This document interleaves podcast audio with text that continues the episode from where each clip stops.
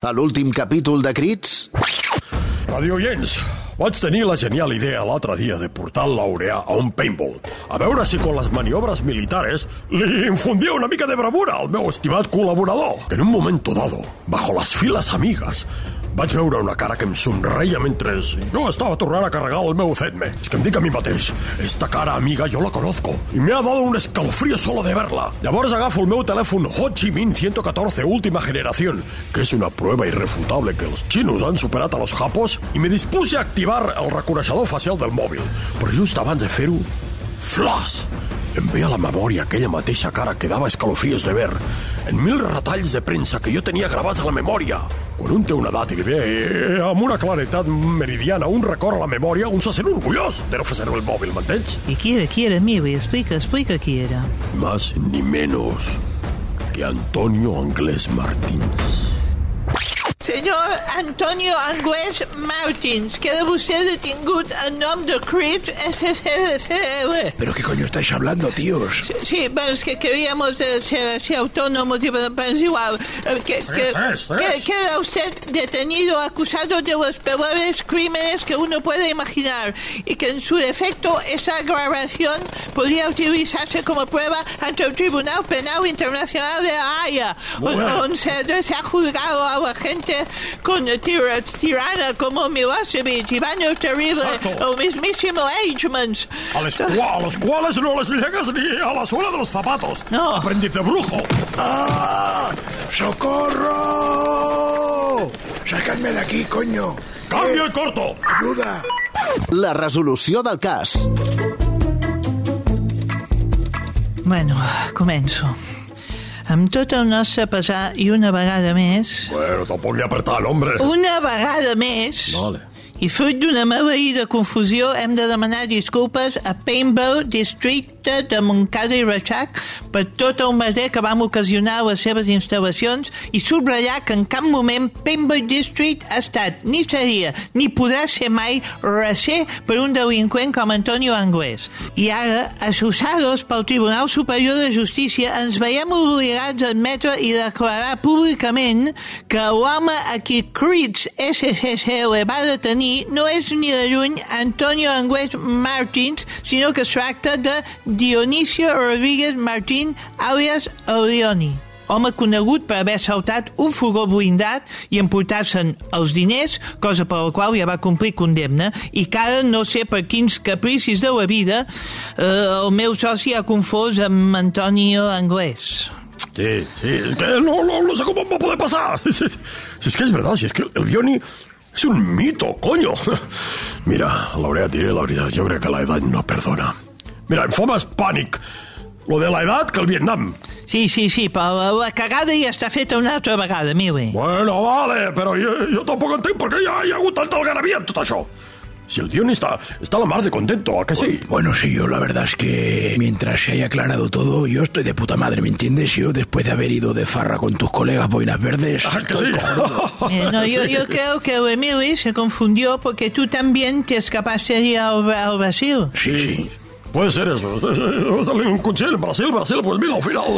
Venga, Dioni, ca- canta la canción que cantaste el otro día, esa que grabaste en un disco. La del ladrón. Venga. Quiero ser un ladrón, pero solamente de corazones. Quiero ser un ladrón, pero solamente de corazones. ¡Venga, mío, Quiero ser un ladrón, ladrón, pero solamente de corazones.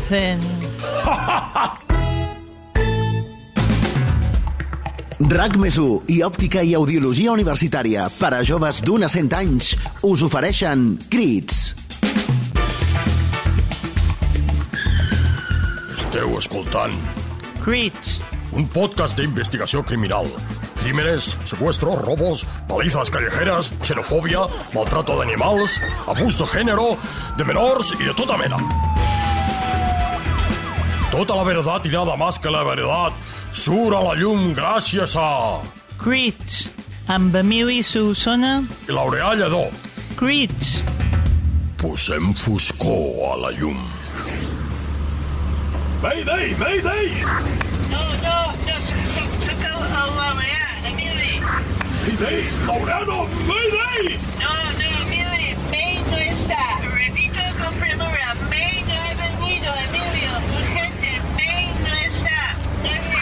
No no, què collons parles? Que m'està al por!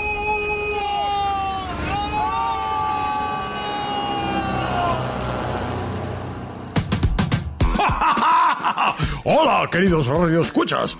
Con mola la recreación que, de guerra que nos hemos marcado, ¿eh, Laureano? Sí, Dios mío, está muy real, ¿eh? Es que vamos que gairebé ho és, eh? Sí, sí, sí, ah, ah, ah, acojona.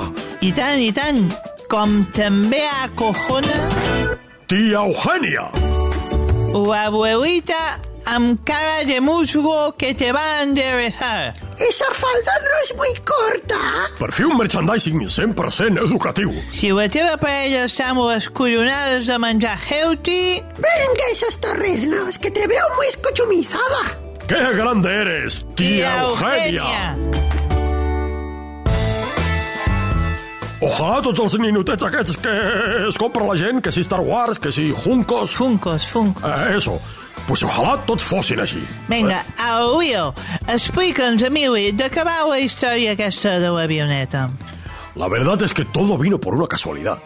Jo estava tranquil·lament amb el meu transistor a casa de radioaficionat, que em vaig comprar l'any 87, i estava escoltant il·legalment les freqüències de ràdio de la policia, ambulàncies, aviones i demás. Però què dius, ara? Si això és, això és il·legal. En sèrio? Si ho acabes de dir tu, Emili.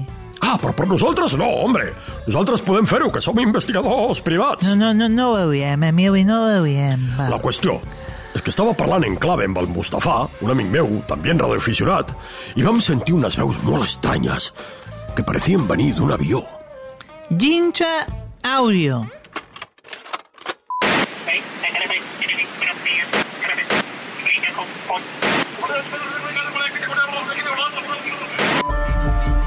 Jo pensava, què collons estan dient? Parecia àrabe, així que li vaig dir al Mustafà que m'ho traduís. Però ell em va dir que, que no, que ell no sabia àrab i que en realitat amb ell li diuen Mustafà perquè estava muy bien dotado, ja m'entiendes? Emili, Emili, sisplau, va, ens tancaran el podcast al final, si només Bueno. parlem de... de... Va. La qüestió és que vaig demanar al Google que traduís tot el que arribava des d'aquell avió i quan ho vaig poder entendre se'm va glaçar la sang, estimat Laureano. Què deia? Era un puñetero secuestro. Un altre 11S estava en camino. Mare de Déu. Tuve que actuar. Vaig demanar-li l'avioneta a un amic meu de cuando la mili i me lancé a la caza, així, sin pensarlo dos veces. Així va ser. I crec que, a partir d'aquí, el laureà mateix pot oferir un valiosíssim testimoni amb el desenllaç d'aquest cas acojonante. Com bé dius, ha estat un cas acojonante. Possiblement per mi el cas més difícil de pair, Emili. sé, ho sé, Laureano, ho sé. La qüestió és que Laureano i jo cogimos l'avioneta i vam seguir l'avió segrestat. Imagineu, quan arribem, l'Emili col·loca l'aeroplà a l'alçada de l'avió i veu a dos barbuts a la cabina. Són els mismíssims segrestadors, el maldito satanàs encarnat. Però me'n passo el ginya sideral i contacto amb ells per ràdio. Jo no els veig ni sento res. De l'angúnia i la por de volar, vaig tota l'estona amb els ulls tancats i tapant-me les orelles amb les mans. Yo agafo la radio y les digo que desisteixin de las seves bárbaras intenciones. Y ellos, jamalají, jamalajá, jamalajú, ni puto caso. Però el més fort de tot va ser que quan em vaig atrevir a mirar la cabina de l'avió segrestat, No hi havia ningú. ningú. Jo només veia l'Emili parlant sol, pilotant i escridassant a, a, a ningú, ningú pilotava aquell avió. Era com si l'Emili estigués boig. ¡Enajenado! Pues que yo seguía veient los dos barbudos. Algo o alguien había abducido el meu cervell. Va ser llavors quan... Ahora viene la parte giñante. Sense por, sense por, Laureano, va. Va ser llavors quan vaig sentir una veu dins del meu cap que em va deixar un missatge. Van, Laureano. La veu em va dir ell només veu les seves pors, però tu no. Tu estàs a un altre nivell de vibració i volem que ens coneguis. Si tornes a mirar la cabina, veuràs que sí que hi ha algú. No hi ha terroristes, però hi sóc jo. Sí, radio escuchas. Jo també ho vaig pensar. Al laureà se le ha ido la molleja más allá de Plutón. Però acaba, acaba, sisplau. Aleshores vaig veure una cara que a poc a poc es girava cap a mi. Em va mirar. La mirada em va fer entendre que era ell qui em parlava. Em va fer por. I esa cara? Diries que eren unes faccions reconeixibles dins d'alguna de les razas conocides? Si amb això vols dir si aquell ésser era d'aquest planeta... No, no ho era. ¡Wala! ¡Lo sabía! ¡Putos marcianos! Y vinieron para lobotomizarme. Marcianos de los cataplines. Imagínate, Laureano, si nuestro podcast té èxit, que hasta de otras galaxias quieren acostar-se a nosaltres. Bueno, d'això ja no n'estic tan segur, Emili, però la cosa no acaba aquí. Quan ens vam mirar, vaig entendre moltes coses, però la veu havia cessat i llavors, al cap d'uns segons, Què? em va fer una peineta. Què vols dir, una peineta? Et va fer una, una peineta l'extraterrestre con el dedo? A lo terrícola? Sí, sí, sí, Emili, una, una peineta. Buah! Doncs això no, no me quadra mucho. No, potser no em feia una peineta i li passava com a l'ET, que té un dit més llarg que els altres. No, no, no, no, no. Si tú viste una peineta, es una peineta. Es un idioma intergaláctico, la peineta. En fin, radio escuchas. Ja heu vist com està el pati a nivell planetari. Al final resultó ser que els marcianos existeixen i ells mateixos han volgut que seamos a l'equip de crits els que ho expliquem a la resta de la humanitat. Amén.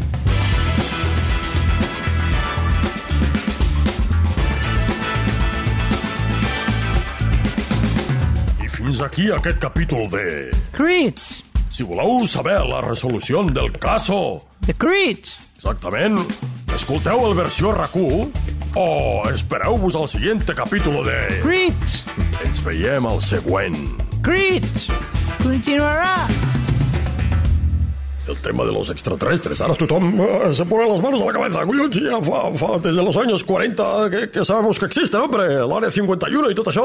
El caso, ¿cómo se llama? El, el Roswell. Ja, Roswell, sí, sí que els tenien... Bueno, hi van haver unes imatges que n'hi havia alguns allà, però tot això ho tapa sempre el, el, el govern.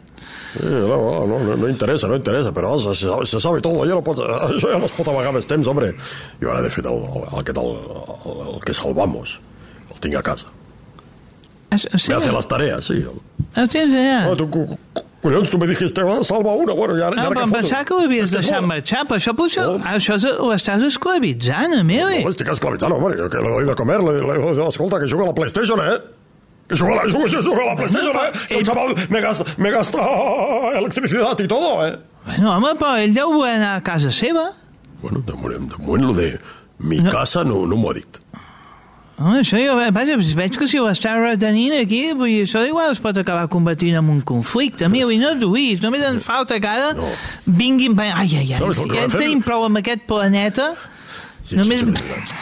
És que saps que parla, que parla un idioma que encara no l'acabo d'entendre. Si no, eh, escolta'm, eh, segurament tindria respostes a muchas cosas. De fet, li donaré un... Tinc una pelota de, de básquet en casa desde hace muchos años, desde el año 80 y pico, que es- se llama Mi Casa. Le donaré para que la lea, para que diga que grabaré, grabaré bien mi casa. Però, no, ho pots tractar com si fos un, un, un mono, un mico. Vale. Home, RAC més i Òptica i Audiologia Universitària us han ofert Crits, un podcast que compta amb els actors Xavier Bertran i Cesc Casanovas com a protagonistes i Salva Coromina fent el disseny de so. Edat per cada cosa. Una edat? Hi ha una edat per ser jove i una altra per deixar de ser-ho? Quan has de deixar de somiar? A Òptica i Audiologia Universitària sabem que, tinguis l'edat que tinguis, és perfecte per ser jove. Òptica i Audiologia Universitària. Per a joves d'un a 100 anys.